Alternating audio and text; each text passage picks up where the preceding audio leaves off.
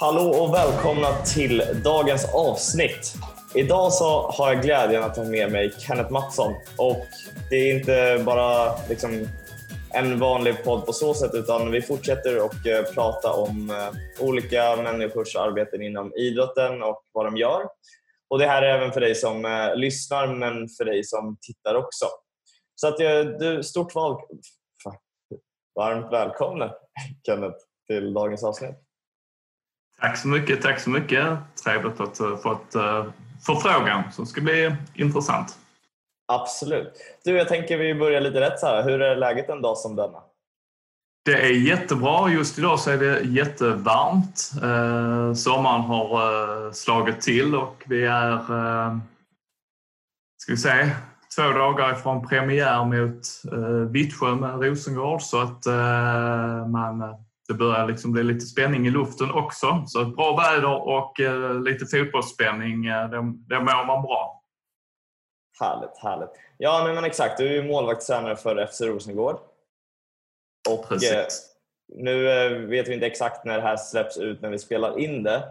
Men som du säger så är det strax eh, uppstart av serien i, efter rättare sagt dessa coronatider med lite uppehåll. Men jag tänkte innan vi går mer och hör om, om dig så tänkte jag ta lite uppvärmning med något som jag kallar fem snabba som är mm. Fem enkla frågor helt enkelt. Så jag tänkte vi börjar, vart är du ifrån? Jag är från eh, Tomelilla, Österlen. Eh, både född där och bor, i, bor där i villa. Och för de som inte har riktigt koll på det så är det nere i Skåne i Sverige. Precis. Du, ålder, hur gammal är du? Jag är född 1977, så 43 år. Härligt. Bästa idrotten i världen? Bästa idrotten i världen är fotbollen, givetvis. Härligt. Och sen så har vi då, är du en morgonmänniska eller nattuggla? Eh, när jag blivit är jag nog nattuggla, eh, men när jag eh, har mycket att göra så tvingas jag till att vara en morgonmänniska. Så att, eh, men när, annars är jag nog nattuggla. Mm. Ja, exakt. Får man önska så. Det är bra. Får man önska. Och sen så sista har vi då, vilka språk pratar du? Oj, eh, där är nog en del som skrattar. Men jag skulle säga svenska, engelska. Eh, det är där vissa av spelarna kan tycka eh, min engelska är sådär. Eh, sen fuskar lite, lite, lite skoltyska, lite, lite, lite skolspanska. Eh, men jag kan knappt använda det. Men det är väl där jag ligger. Mm. Härligt. Nu tror jag vi har värmt upp lite och då tänker jag att vi går lite mer in på vem Kenneth är. Så skulle du kunna berätta lite mer om dig själv? Eh, bor i, eh, som sagt, jag bor i Tomelilla med och har en familj med tre barn. Eh, har eh Eh, utbildad idrottsvetare, eh, så har magister i idrottsvetenskap eh, började också tidigt när jag var runt 20 år att läsa till lärare. Så jag har alltid varit inne på det här med pedagogik men jag fullföljde inte mina lärarstudier. Men det har, det har präglat, mig, präglat mig mycket. Eh, om jag tittar på professionellt så har jag jobbat med fritidsfrågor inom kommun. Eh, jag har jobbat inom idrotten, bland annat det Svenska motionsidrottsförbundet för många år sedan. Jag har jobbat på yrkeshögskola. Så jag har en ganska så eh, varierad bakgrund eh, till det. Där en del har varit inriktad mot idrott, en del har inte varit. Men jag tror att den röda tråden är nog någon form av eh, pedagogik i det. Sysslar också med eh, musik eh, och gör det, så har det som ett kom komplement till tränarrollen just nu. Ja, det summerar nog det ganska så, ganska så bra, det jag gör. Och så är du då målvaktstränare såklart också? Så är jag målvaktstränare i, tänkte att det var un, underförstått har du varit inne på, men målvaktstränare i FC Rosengård och då har jag eh, haft, jobbat med jag började jobba som målvaktstränare när jag var eh, 26-27 eh, som jag började med olika, olika uppdrag. Och det har också gått eh, lite grann upp och, och, upp och ner hur mycket jag har gjort det. Nu, nu är det mycket. Mm. Och sen så tänkte jag att vi hoppar in på lite i början troligtvis av eh, din resa i, i, i livet helt enkelt. Ditt första idrottsminne, vad skulle du säga är det? Mitt första idrottsminne, det handlar nog när man är 6-7 år gammal. Eh, börjar se, eh, eh, se någon fotbollsmatch på TV och så därifrån ledde, är mitt liksom idrottsminne att man stod med kompisarna i trädgården och började prata om att vi kanske skulle börja, man kanske skulle börja spela fotboll. Uh, och jag då som bor i Tomelilla så blev det Tomelilla IF som man började spela, spela i. Och därifrån så kommer man då ihåg uh, första turneringen som var i Ystad uh, som vi var iväg och spela i. Och sen så är det väldigt, väldigt liksom små minnen. Jag kommer, vet inte ens om, det är, om jag kommer ihåg det korrekt. Men det, det, är på den vägen som, som jag kommer in, som man hittar in i idrotten. Och, eh, kommer egentligen inte ifrån en familj eh, som var en, eh, alltså, blandat intresse kan jag säga, för, för idrott. Så det var liksom ingen själv, självklarhet. Utan, så det blev min arena som jag hittade in i. Mm. Och sen så tänkte jag sista grejen vi har innan vi hoppar vidare i, i den här intervjun. Det är hur du startar dina dagar. Hur jag startar mina dagar? Eh, jag går upp ganska så snabbt så eh, sätter jag på kaffe. Eh, fixar någon enkel frukost men betoningen på kaffet då. Och sen så är det nyhetsmorgon och liksom catch up på vad som har hänt i, hänt i världen. Och Sen så utifrån det, för så kan det, så kan det se ut när man eh, eh, jobbar inom detta, så är det kanske någonting att man ska förbereda inför eh, träning och, eh, eller någon eh, match man vill kolla igenom och så kan det bli om, om, om det hinns, hinns med helt enkelt. Eh, så det är ofta så jag börjar men eh, som sagt var, kaffet behövs. Mm. Ja men härligt. Härligt att höra. Jag tänkte vi skulle hoppa in på på nästa område som är lite mer om fram till idag, så hur du har hamnat med det du gör idag. Och då tänkte jag för att vi ska då få bättre koll på den resan. Du har redan varit inne på det lite, men skulle du kunna beskriva lite mer hur du hamnat i positionen som målvaktstränare i Rosengård idag? Om vi mer tittar bakåt. Eh, du får välja när du vill ja. börja i den resan, men berätta ja, lite om kontakt med fotbollen. Mm. Ja, men ganska så enkelt där, eh, 6-7 års åldern, så började jag spela fotboll. Eh, och ganska så snabbt så hamnade jag som målvakt och sen så var det i ungdomsåren det här lite fram och tillbaka om man skulle stå i mål eller om man skulle spela ut. Och för min del spelade det inte så stor roll utan det var ju klassiskt vilket tyckte man själv att man var, eh, var bäst på.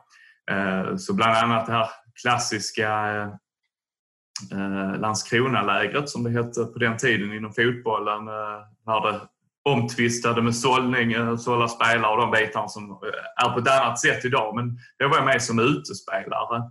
Eh, men därefter så blir det mer och mer målvakt. Eh, och sen så Uh, började spela division 3-fotboll i Tomelilla, uh, kanske A-laget runt som 20, när jag var 20 år, uh, tidigare liksom ett reservlag. Och Eh, därifrån till IFK Malmö, de låg i Superettan eh, och var där tre säsonger. Eh, och det var runt 26-27 när jag valde egentligen att lägga ner liksom karriären. Jag kände inte att jag kom, kom längre. Sen så efter det så var jag faktiskt inne på två korttidskontrakt med Malmö FF. Men som jag rankar det så var det efter min karriär. Så den är lite så halv eh, halvkonstig. Jag blev också skadad under den första perioden och, eh, och, och så. Men fortsatte egentligen eh, som aktiv och spelat till och från tills på cirka 35 eh, så hoppade jag in och så drog korsbandet. Dock betona att vi vann turneringen som jag gjorde det i så att det var värt och det gick ganska så bra så att det var ett hyfsat, hyfsat minne ändå. Men där när man backar bandet när jag var 26-27 och slutade i IFK Malmö så började jag jobba som eh, målvaktstränare eh, och då var jag inne och jobbade ganska snabbt så började jag jobba med Skånes fotbollsförbund. Eh, LTU, lokal talangutveckling hette det då och ganska snabbt var jag också med och hade, kom in och fick Skånelag. Jag hade, på pojksidan hade jag årskurs 92 och 95 där. Och sen så har det varit en, en, del, en del klubbar då som man har jobbat som, eh, som, som målvaktstränare. Eh, och eh, under denna resans gång sedan så har det också hoppat över så att jag har tagit några huvudtränaruppdrag. Eh, så att jag inte varit målvaktstränare hela tiden. Så att eh, huvudtränaruppdrag i Tomelilla IF i division 3. Eh, och Eh, LB07 på damsidan hade jag eh, eh, när det var division 1 och det gick över till det året som de det blev elitettan. Så vi lyckades nå där, så jag var där, var där, ett, var där ett år. Men sen så kan man väl säga som så att i samband med att eh, en sex, sju år sedan så var jag ganska så mätt på eh, målvaktstränaruppdrag. Eh, eh, så man kommer oftast, mycket handlar om motivation och eh, känna att man har rätt uppdrag, man får jobba med de som har driv. Eh, jag vill kanske göra någonting annat och det blir en hel del kvällar också i, på, på, på, på en viss nivå. Och som sagt, jag känner att jag har gjort, gjort en del. Eh, och hade egentligen bestämt mig för att eh, nu ska det nog inte vara några fler uppdrag. Jag hade precis börjat ett eh, jobb, eh, jobbat med fritidsfrågor på Sjöbo kommun. Jag hade bestämt mig att jag inte skulle ha på min privata mobil. Helt plötsligt så ringde ju telefonen och låg den sidan om och så stod där Erling Nilsson och för de som kan fotbollen så är det ju den starka mannen då i FC Rosengård som har varit sportchef och klubbchef och är fortfarande kvar. Eh, så jag tror att han är, han är här ute i någon av rummen och, och, och springer. Eh, och då tänkte jag ändå, så, vad, vad kan Erling vilja? För jag har stött på honom eh, tidigare. Och jag har ju också gjort lite arbete tidigare för dåvarande LDB. Och då hade han en förfrågan att nuvarande målvaktstränaren skulle sluta om jag var intresserad. Eh, och jag hade egentligen bestämt mig att det var jag inte. Eh, så jag var inte speciellt säljande med en fråga. Eh, men jag kan höra av mig på eh, lördag, är det okej? Okay? Är det klart det är okej? Okay? Sa till Pernilla, min sambo där hemma, att hon ringde från Rosengård men jag tror nog, det blir nog inte mer än så. Eh, men de hörde av sig igen och sen träffade jag eh, Therese Sjögran och nuvarande tränare Jack. Eh, och napp. då blir det så pass intressant, eh, givetvis, eh, med dem. Det lockar med de spelarna som vi har och de spelarna som man då hade och den resan som klubben hade gjort och förutsättningarna. Det lockar också utifrån den här att jag kände att det kanske var ett steg som jag kände att som hade fattats och där liksom eh, jag jag kände att jag ville hoppa på det helt enkelt.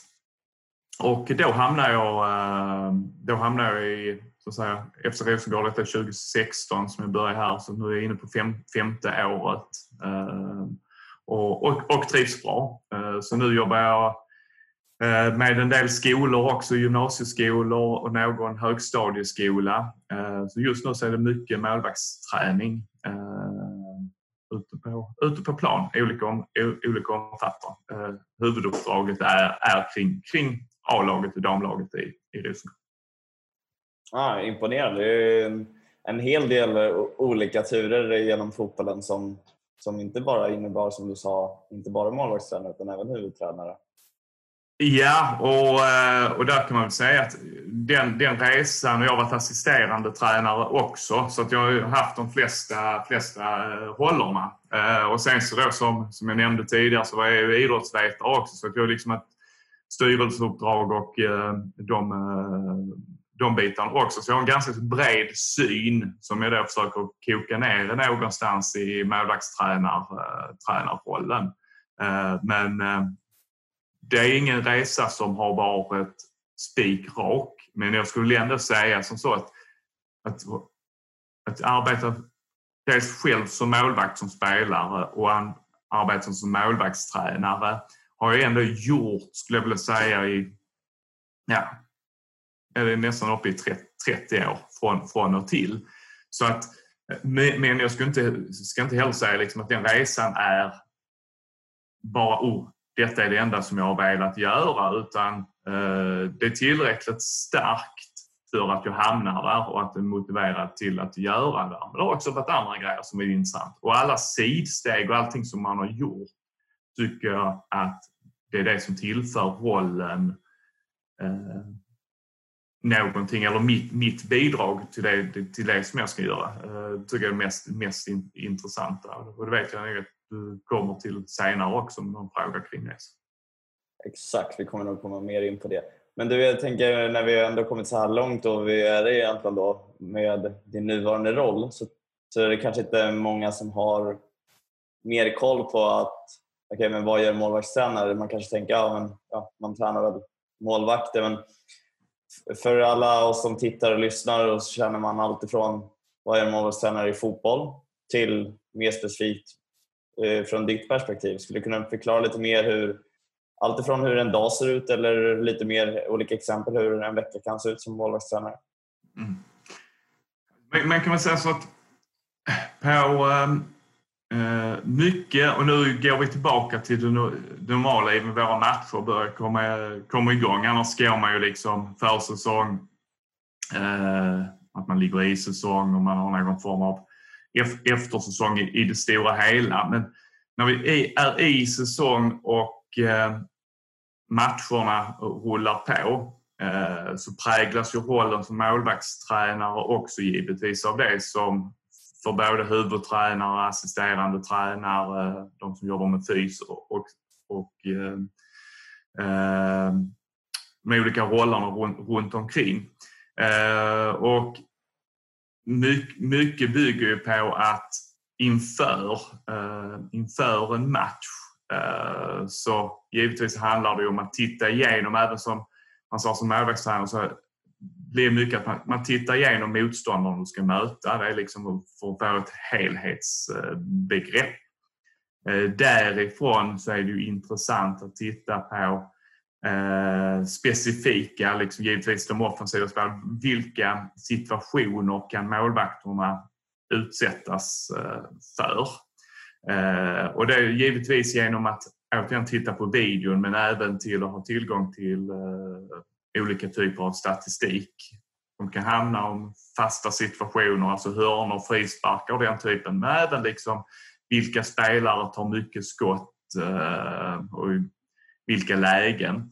Eh, och utifrån det göra en förberedelse i veckan på de olika träningspassen eh, som vi har så att målvakterna utsätts för de situationer som de kan utsättas för i match.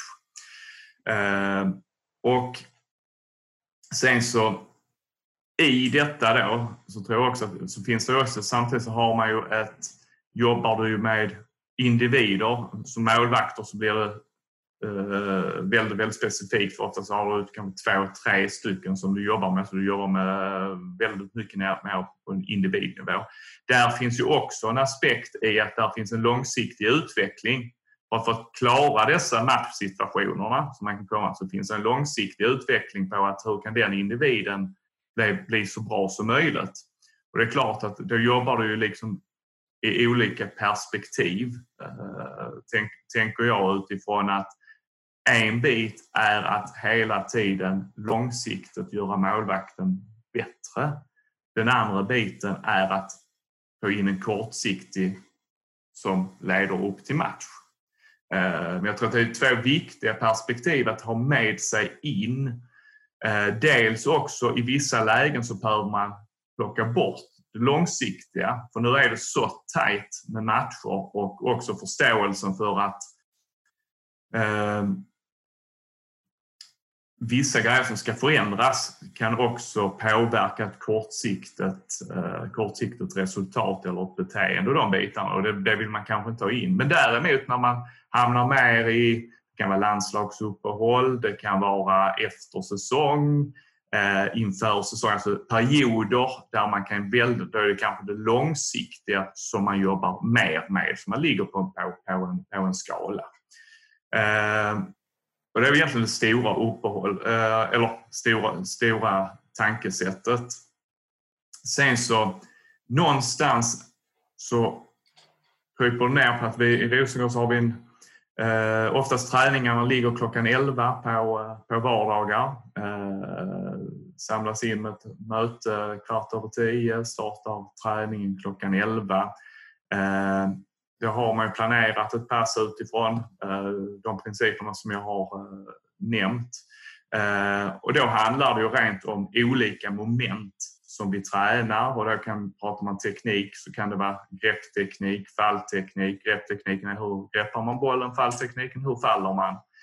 Eh, vi kan jobba med inlägg och där kan det vara upphoppsteknik och de bitarna.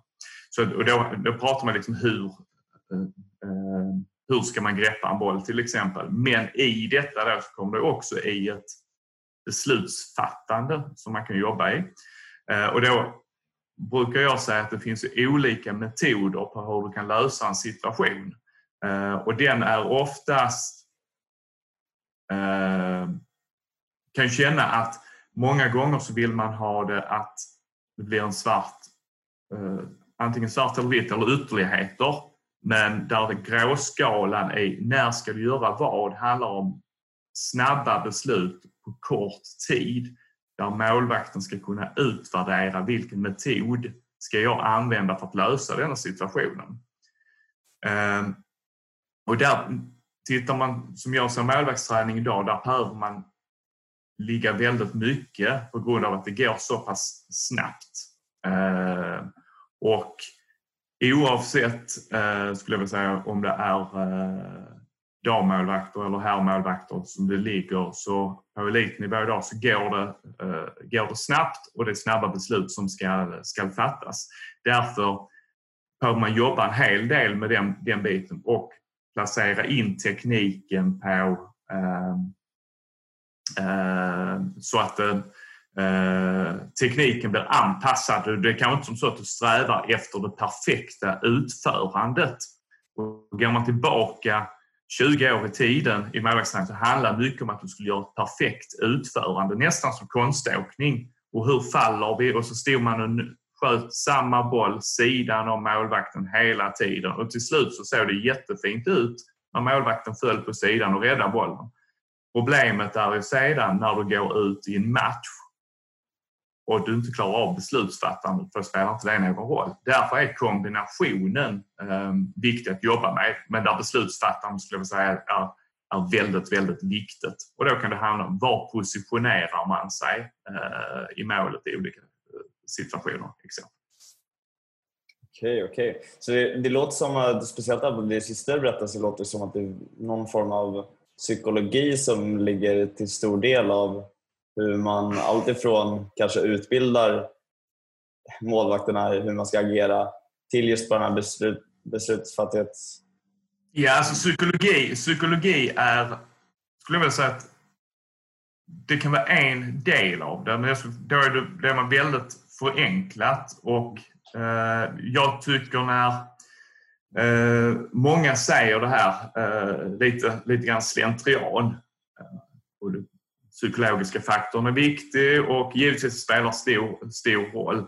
Men det vi vill göra det är egentligen att du vill få fram ett specifikt beteende och vara så konkret som möjligt kring den här. Att om ett, exempelvis ett visst inlägg eh, slås in mot målvakten så vill vi kanske att målvakten ska gå fram mot bollen.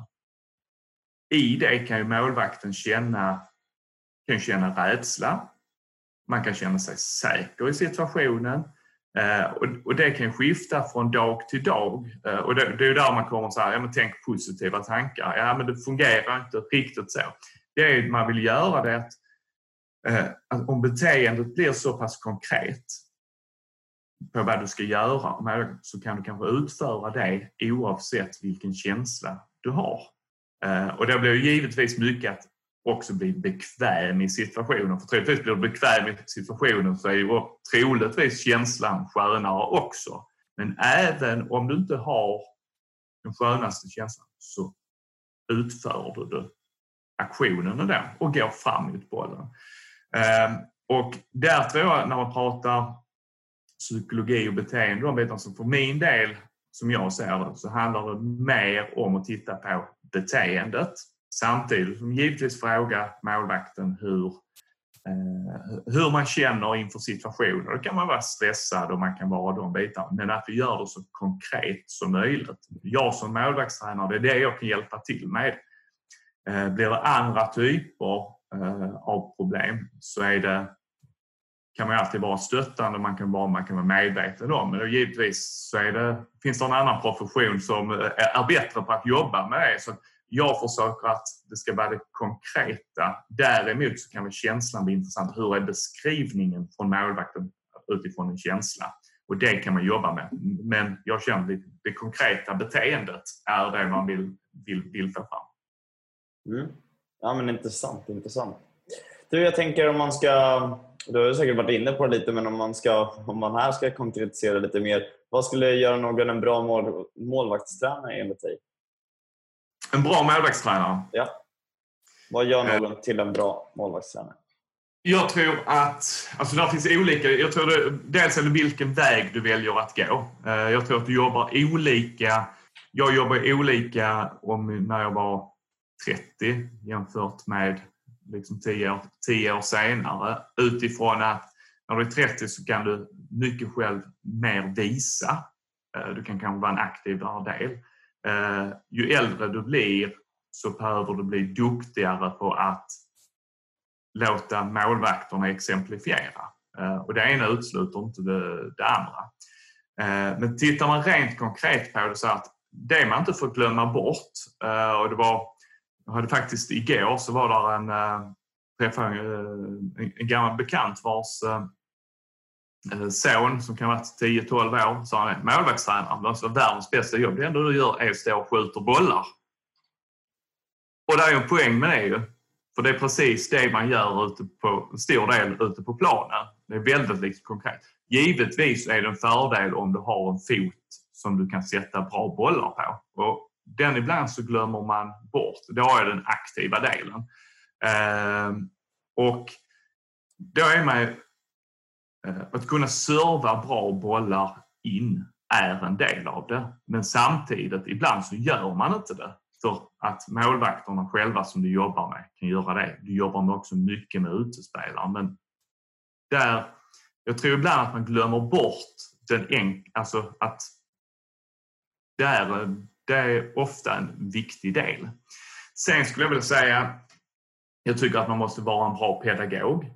Eh, speciellt på individ, individplanet. Eh, just den här biten som jag var inne på, det kortsiktiga som vi jobbar uppemot matchen. Den biten som jag glömde lite grann när jag var inne på det resonemanget är också, sen har vi spelat matchen, då kommer en utvärdering av den biten som vi tar oss in, in i nästa match. Eh, och givetvis i det här, när ska jag liksom ligga i det kortsiktiga perspektivet som är mot match, mot resultat? När ligger jag i det långsiktiga som är mer i form av en process? Ehm, och detta skulle jag säga att den är inte helt... Det den tar ett tag att lära sig att se de bilderna men det är viktigt, ur, tycker jag, ur ett pedagogiskt synpunkt att kunna ligga och växla i din kommunikation med målvakten. Den andra biten tror jag också handlar om hur kan jag få det jag ser, hur kan jag förmedla det vidare till målvakterna? Eh, och med det menar jag, när jag slutade, eh, om jag går tillbaka när jag var 26-27 år, då tänkte jag ändå som så att jag har ju svaret på hur man ska göra med detta. Detta är jätteenkelt. Problemet var ju att då har jag det från ett inifrån perspektiv. För jag ser ju bollen skjutas, jag faller, jag eh, ser den med mina ögon. Problemet var nu när jag blir målvaktstränare så står jag och ser på någon annan. Eh, och då ska jag förmedla det här och plötsligt så då hade man ändå varit på en hyfsat hög nivå och spelat. Och plötsligt så kände jag så här, det var inte helt självklart hur man skulle göra. Alltså ska jag flytta foten en decimeter? Är det fem centimeter? Vad tycker jag egentligen? Eh, och då är det liksom bara, då finns det kanske liksom hur många sådana tekniska detaljer. Och det som är roligt i det är att man hittar nya sådana detaljer i nya situationer. Så då frågar man, hur tänker jag att man, att man ska göra den situationen? Och då, då blir det hur, förmed, hur förmedlar jag detta vidare? Eh, och jobbar man då med det så förhoppningsvis lär man sig och kan förmedla det vidare så att jag kan få en förändring hos individen genom det jag har sett, med det genom deras upplevelse. Och det sker då också med ett utbyte eh, där man delger varandra information. Den pedagogiska biten tycker jag är jätteintressant eh, och det var därför jag egentligen kopplade in på när jag började lära, läsa till lärare en gång i tiden. Eh, och jag är intresserad av eh, jag kan säga, praktisk pedagogik, tycker jag är jätteintressant. Eh, sen så kommer det också att kunna jobba i det lilla med de här detaljerna, tekniska detaljer som i ett visst sammanhang kan de läggas för stor fokus på, men är i ett annat sammanhang väldigt viktiga till att kunna jobba givetvis i det stora, i det stora spelet med taktiska bitar där du är uppe och snuddar på lagtränare, för där finns ju liksom en, en dialog med huvudtränare, eh, assisterande tränare kring liksom upplägg. Vad, vad, vad ska vi göra? Eh, jag själv har läst idrottspsykologi, du var själv inne på den, alltså att man du har en förståelse för eh, eh, den biten som jag kom in med och kunna jobba med beteende givetvis, men även också hur, hur mår människor vid sidan om och kunna fånga upp de, de, de signalerna. Eh, du har den fysiologiska biten. Eh, där känner jag själv att eh, är det någonting som jag skulle liksom eh, specifikt verkligen utveckla så är det kanske den biten blir ännu duktigare på. Nu har vi väldigt kompetent, eh, kompetent eh, folk omkring sig så att det gör att man får tips och råd och bollar de idéerna. Men där är det. Så det finns, eh, jag skulle kunna bara liksom fortsätta liksom hur, hur, länge, hur länge som helst. Men att få ihop alla de här bitarna är, är, eh, är det som gör den riktigt kompetenta. Den. Och att man står på pass efter pass ute på planen och jobbar med de här. Samtidigt frågar sig så, var detta bra? för nya influenser? Vad har hänt i spelet? Och tar det med sig in. Så att man behöver också vara nyfiken. Det som hände för räcker två år sedan är, är gammal kunskap idag utan hur kan, vi, hur kan man blicka fram? Ja, det, det blir ett extremt stort område när man liksom gräver ner djupare i det. det. Det är väldigt tacksamt att kunna få höra det. Just, det är lite det här som är intressant, att man kanske har ja, en viss alltså, syn på det. Ja, och jag, alltså jag möter ju det ofta och det, samtidigt så är det ju lite grann det som... Det om du tar som ett projekt till exempel så är det ju brukar man säga att 20 procent är genomförandet och det kanske 20 procent är det vi ser. Eh, och sen så blir det någonstans eh, 70 procent förberedelse. Och det är samma sak blir ju här att förberedelsen är ju den stora, eh, stora grejen.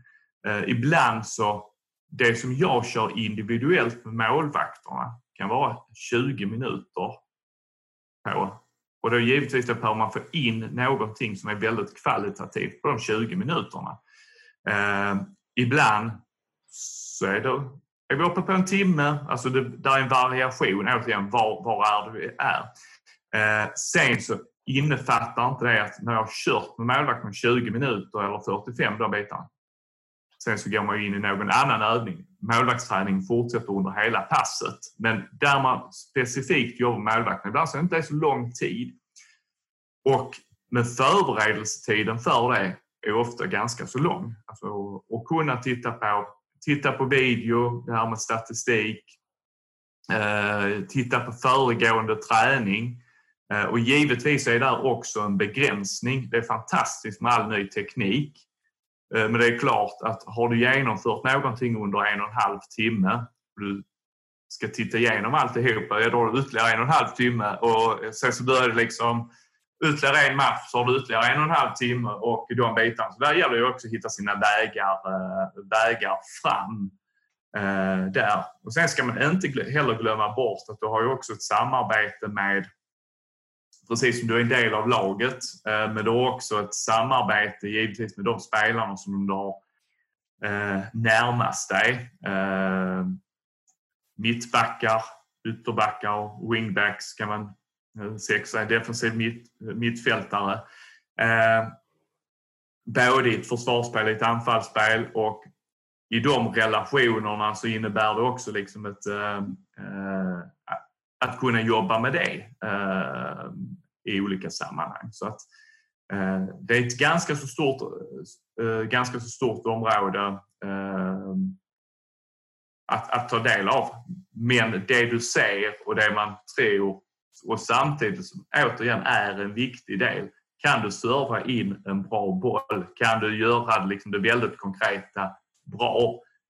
Det får man inte glömma bort att det är, det är, det är en viktig grund av det. Men det är väldigt stort jobbet som säger. Mm. Ja, och det som man säkert kan se om man tittar eller om man lyssnar så ser man ju att det, det finns väldigt mycket intresse i, i Kenneth när han pratar om det här. Och eh, det är väl det jag tänkte vi skulle hoppa över till nästa steg här när det kommer till passionen kring idrotten och kanske då specifikt fotbollen i det här fallet. Så jag tänkte se, det är en svår fråga men jag gillar ändå att utmana lite. det är lite om du skulle kunna beskriva varför du har den här passionen för fotbollen.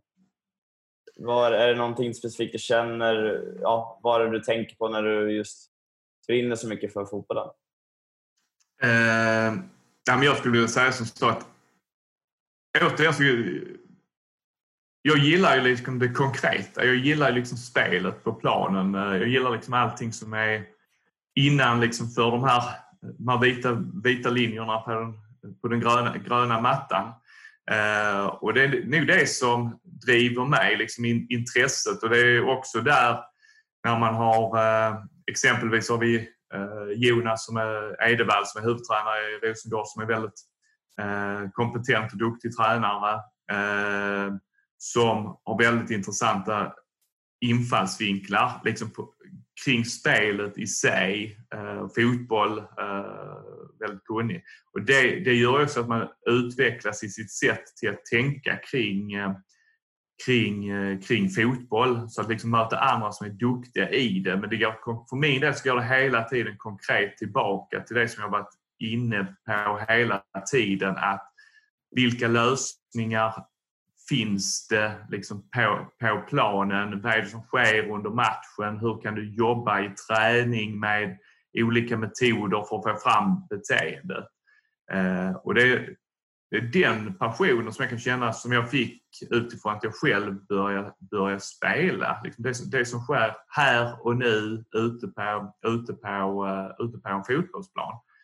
Eh, det som jag inte är speciellt intresserad av det är liksom och det är jätteskönt att det är andra som är intresserade av det här med värvningar och eh, pengar är trevligt så ska du inte klaga på för annars hade man inte fått göra eh, det här. Så det är, det är, en viktig del av det. Men det tar samtidigt också ett stort... Diskutera fotboll med andra så märker man att det är en, också en kittlande del men där inte jag är så där inte jag är så intresserad. Alltså, eh, jag är liksom intresserad av det som sker konkret på planen. Det är där, där, där mitt intresse, äh, intresse ligger. Jag skulle kunna tänka mig som schackspelaren som att är intresserad av att spela liksom schack och kombinationer där. Och det, det driver mig och där finns passionen så att säga. Mm. Ja, men härligt. Jag tror man, tror man eh, kan känna igen sig i det när det kommer till det praktiska. Att det på något sätt blir synligt och du man kan ta i det på något visst sätt. Och sen så liksom, det är väl en sak att spekulera och prata om någonting men att själv kunna se och det är kanske lättare att se resultat på ett annat sätt också. Visst är det, nej men visst är det så. Och det, och det blir, det, där blir det ju väldigt, väldigt, eh, man kan säga kon, konkret. Eh, men där är ju också inom fotbollen, som det kanske inte, eh, jag tror också man är präglad av det, att fotboll får ju stort media, mediautrymme och de eh, bitarna. Jag kan tycka att där är det mest, återigen, när jag intresserar mig för media så är det mer liksom eh, konkret kring ja, hur har spelet varit, hur matchen varit. Alla sidogrejerna där, där ligger inte liksom min passion men den är viktig för många, många andra eh, människor. Men min, min passion är väldigt, väldigt knuten till, till det enkla och egentligen till, till grunden. Mm, jag förstår, jag förstår. Du, jag, eh, det blir spännande här. Jag har ju bett dig att ta med dig något idrottsobjekt. Jag vet inte om du har fått möjlighet att ta med dig någonting som... Eh... Ja, det, jag kan säga att det var, det var ju verkligen liksom här eh, svåra. Jag tänkte, vad, vad ska jag ta med? Eh, vad har liksom betyd, betytt någonting? Eh, och jag landar faktiskt in på det mest konkreta redskapet som både faktiskt är en, för min del en trofé, eh, men det är också mitt vardags eh. Och det är väldigt, väldigt enkelt. Jag lyfter upp det här, sen ska vi inte ha den i, den i bilden. Liksom så, men det är liksom... Så just nu visar Kenneth upp en fotbollssko här. Precis. Och, och det man kan notera om man lyfter upp så ser ni hålet som är i fotbollsskon. Här på, på sidan också. Man kan notera, för de som ser det, så är det en vänsterfot. Ja. Och jag är då vänsterfotad. Vilket gör att redskapet som målvaktstränare, det, detta används mycket. Vilket gör att det är betydelsefullt utifrån dels att man tycker att givetvis skon är skön. Eh, och eh, vilket jag är väldigt nöjd med mina skor eh, eh, just nu. så får de som ser märket, eh, kolla, kolla in det i efterhand i så fall. Eh, men det är samma, faktiskt samma märke som jag hade när jag började spela fotboll så att, jag gillar det.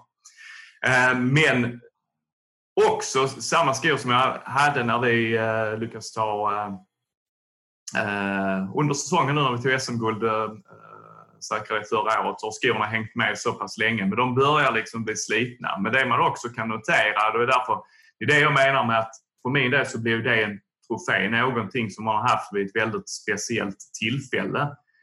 Eh, givetvis. Men det är också symboliken för det som leder dit. Alltså hålen i skon när du står och nöter. Det är det som krävs för att du ska nå dit. Och det är samma sak. Jag tror ska du bli, ska du bli duktig på någonting så är det antal timmar som du lägger ner. Eh, du har varit inne på med passion och de bitarna. Man har ett intresse för det. Sen som det har ju skulle jag vilja säga, sen har spelarna sina slitna skor, eller de byter kanske skor oftare, tänker jag som så. De brukar vara lite mer kräsna. Men jag menar, arbetet som du lägger ner på var, vart pass för att kunna nå dit där, alltså det, det får man liksom aldrig glömma om man ska bli vill bli duktig på någonting. Så liksom antal, antal timmar. Så för min del så form av trofé men också ett arbetsredskap som är väldigt viktigt för man använder det mycket att kunna, kunna stå med. Mm. Och jag, försökte ju, jag har försökt anpassa mig lite här så till dagen, till dagen till ära så här bakom så har jag lite dolt men det finns här bakom så finns det målvaktshandskar. Så jag tänkte jag skulle försöka anpassa mig lite till, till, eh, till det här samtalet med dig.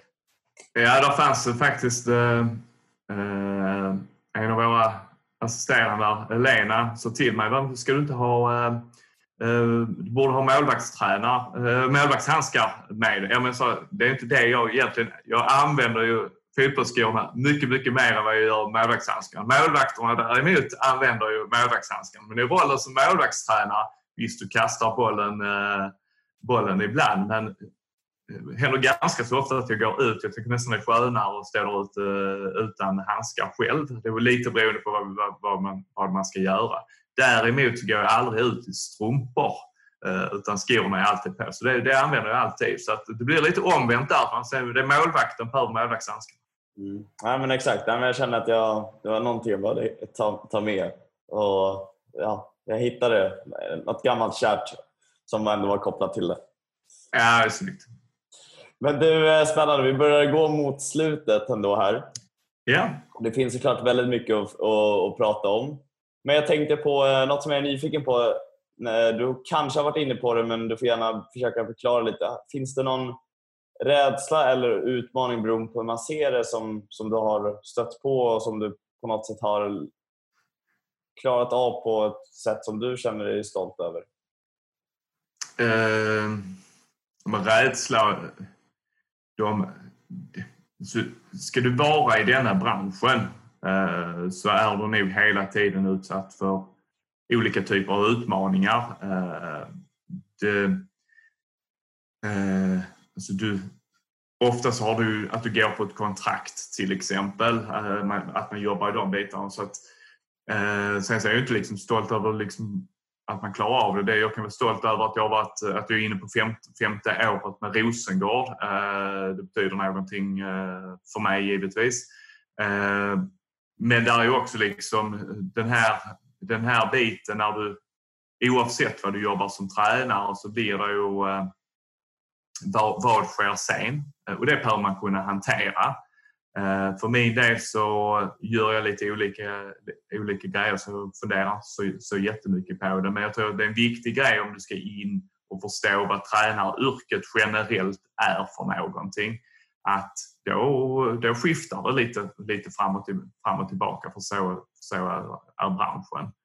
Du kan ha en, jag jobbar väldigt mycket praktiskt ute på plan. Eh, när jag eh, känner idag att jag inte jag är inte top notch eh, tränad, men jag är mycket, mycket bättre tränad än vad jag var för eh, fem år sedan när jag började här. För det har varit mycket kontorsjobb. Men under den tiden så även som målvaktstränare när jag är på så mycket så ligger det en risk för skador. Och det behöver man också fundera på. Vad utsätter du dig för eh, situationer? De, de bitarna som man kanske ska undvika lite grann. Eh, för det är inte bra om jag inte kan vara på planen till exempel. Eh, och, eh, men samtidigt en väldigt bra motivation till att, eh, att trä, träna också. Och det behövs, återigen. Eh, ju äldre man blir så eh, behöver man det och eh, betydligt trevligare tillvaro än att sitta bakom ett kontor tycker jag. Mm. Ja, men härligt. Jag tänkte helt enkelt att vi ska nu gå in i den sista delen av det här samtalet och jag brukar kalla det här då för övertid. Och det som som jag först vill ställa frågan, det handlar ju väl om det finns något nu i efterhand som du gärna hade vetat om innan du började som målvaktstränare? Ta det igen. Mm. Vad sa du? Finns det något nu i efterhand du gärna vetat om innan du hade börjat som målvaktstränare? Nej, egentligen inte. Alltså för återigen, alltså, att jag hamnat, jag har känt att när någonting är roligt och du vill göra någonting så någon, är ju resan lite klyschigt men det, det, den är liksom en stor del av, av allt. Eh, och det är där du lär dig. Det är där jag kan ha ett perspektiv eh, som är som många säger, det, vet, det är mycket resor, det är obekväma tider, det är de bitarna. Men vad är, vad är det att det är obekväma tider? Det kan vara någonting helt annat för mig än vad det är för någon annan. Och då, då behöver man nog vara beredd på att man måste testa på det helt enkelt. Och då får man se, är det som man tycker är roligt, är det värt det? Och så är det i många, många yrken. Så det, det är ingenting så konkret som jag skulle vilja säga. utan Jag tror att man behöver liksom utsätta sig för situationen i, eh, helt enkelt. Sen så tror jag också när man kommer, du kommer oftast in i det som att du har varit målvakt själv. Så du har en ganska så god ins, insyn. Så att, eh, och det är kanske svårt att inte ha, ha något samröre med fotbollen och hamna i, eh, i, i tränar, tränarrollen på, eh, på, på, på högre nivå. Tänker jag också. Mm. Ja, men vad härligt. Du, eh, nästa här är en eh, ny sån liten kort, snabb, förhoppningsvis eh, några snabba påståenden eller frågor kanske man ska säga. Jag kallar det om inte. Där jag mer frågar om du inte det här, vad hade du valt då? Så om du inte hade fått arbeta med fotboll, vad hade du valt då? Om jag inte hade fått arbeta med fotboll så jag hade nog kunnat jobba med precis vad som helst för att jag har ju gjort det också. Eh, och jag kan mycket väl hamna där i, i framtiden också för att jag kan känna att där kan vara någonting annat som är intressant. Ehm, sen så ligger musik mig varmt om hjärtat på, eh, på de bitarna också. Men som sagt att jag tycker testat på olika, många, många roliga jobb och det är vad man själv gör, gör det till. Eh, det är väl kanske också problemet att man kan gå vidare till olika grejer. Så har det varit för min del. Mm.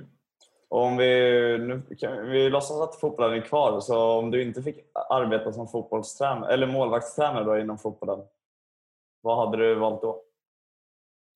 Om jag inte skulle arbeta som målvaktstränare? Jag, tror jag, jag trivs ju i en specialist, eh, specialistroll. Eh, så att eh, det har jag nog bara tagit någon annan specialistroll. Typ eh, avslutstränare eller anfallstränare. Eh, typ någonting sådant eh, hade nog varit intressant och eh, grottat ner sig på. Och ibland får man fördelen att jobba med våra forwards också. Mm. Och sen så har vi då om du inte fick växa upp i Sverige, vilket land har du valt? Jag har alltid varit, äh, gillat Italien, så jag säger Italien bara för att äh, det verkar nice helt enkelt. Mm. Och sen så sista har vi då, om inte FC Rosengård, vad hade du valt då? Om inte FC Rosengård, det finns inget alternativ just nu. Nej. Ja, men gött. Det var lite snabb. Så det skötte du bra tycker jag. Mm. Nu de sista här har vi två frågor till kanske. Ja. Så um, tänkte jag kolla om det är någonting inom idrotten, eller liksom idrotten generellt sett eller fotbollen specifikt som du skulle vilja se förändras? Nej, men jag kan väl säga både idrott och uh, fotboll. Um, generellt skulle jag vilja säga att hur fördelas resurser eh, och hur vill man göra det? Där finns, alltså, det är bara att titta på den här hur eh, stödet från RF har blivit fördelat nu i coronatider eh, och hur det ska göras för att lite idrottsvetare i mig vet också att det inte är så pass enkelt utan det finns liksom olika olika intressen, det finns en historia och de bitarna. Men som det är just nu så blir det inte bra eh, för att det, det sker liksom ingen det sker ingen långsiktig, långsiktig förändring utifrån att eh, herridrott eller herrfotboll och de bitarna är så pass, eh, pass stark. Eh, och det finns ju det, det som tycker att det är rätt. Jag tycker att det, det är problematiskt. Eh, sen så finns det också en marknads och marknadskrafter givetvis som styr. Eh, men som fördelningen är nu så blir, blir, det, blir det konstigt. Eh, och eh, så en större jämlikhet mellan, mellan, eh, mellan könen utifrån eh, förutsättningar så att eh, flickor får samma möjlighet som pojkar och kan, eh, och kan, eh, kan, kan drömma helt enkelt. Eh, sen så är det all respekt för det ingen enkel fråga. Där så den är mer komplicerad än så men det, det är inte svårt att säga att det är en konstig eh, fördelning som är väldigt, väldigt styrd av olika typer av strukturer. Mm.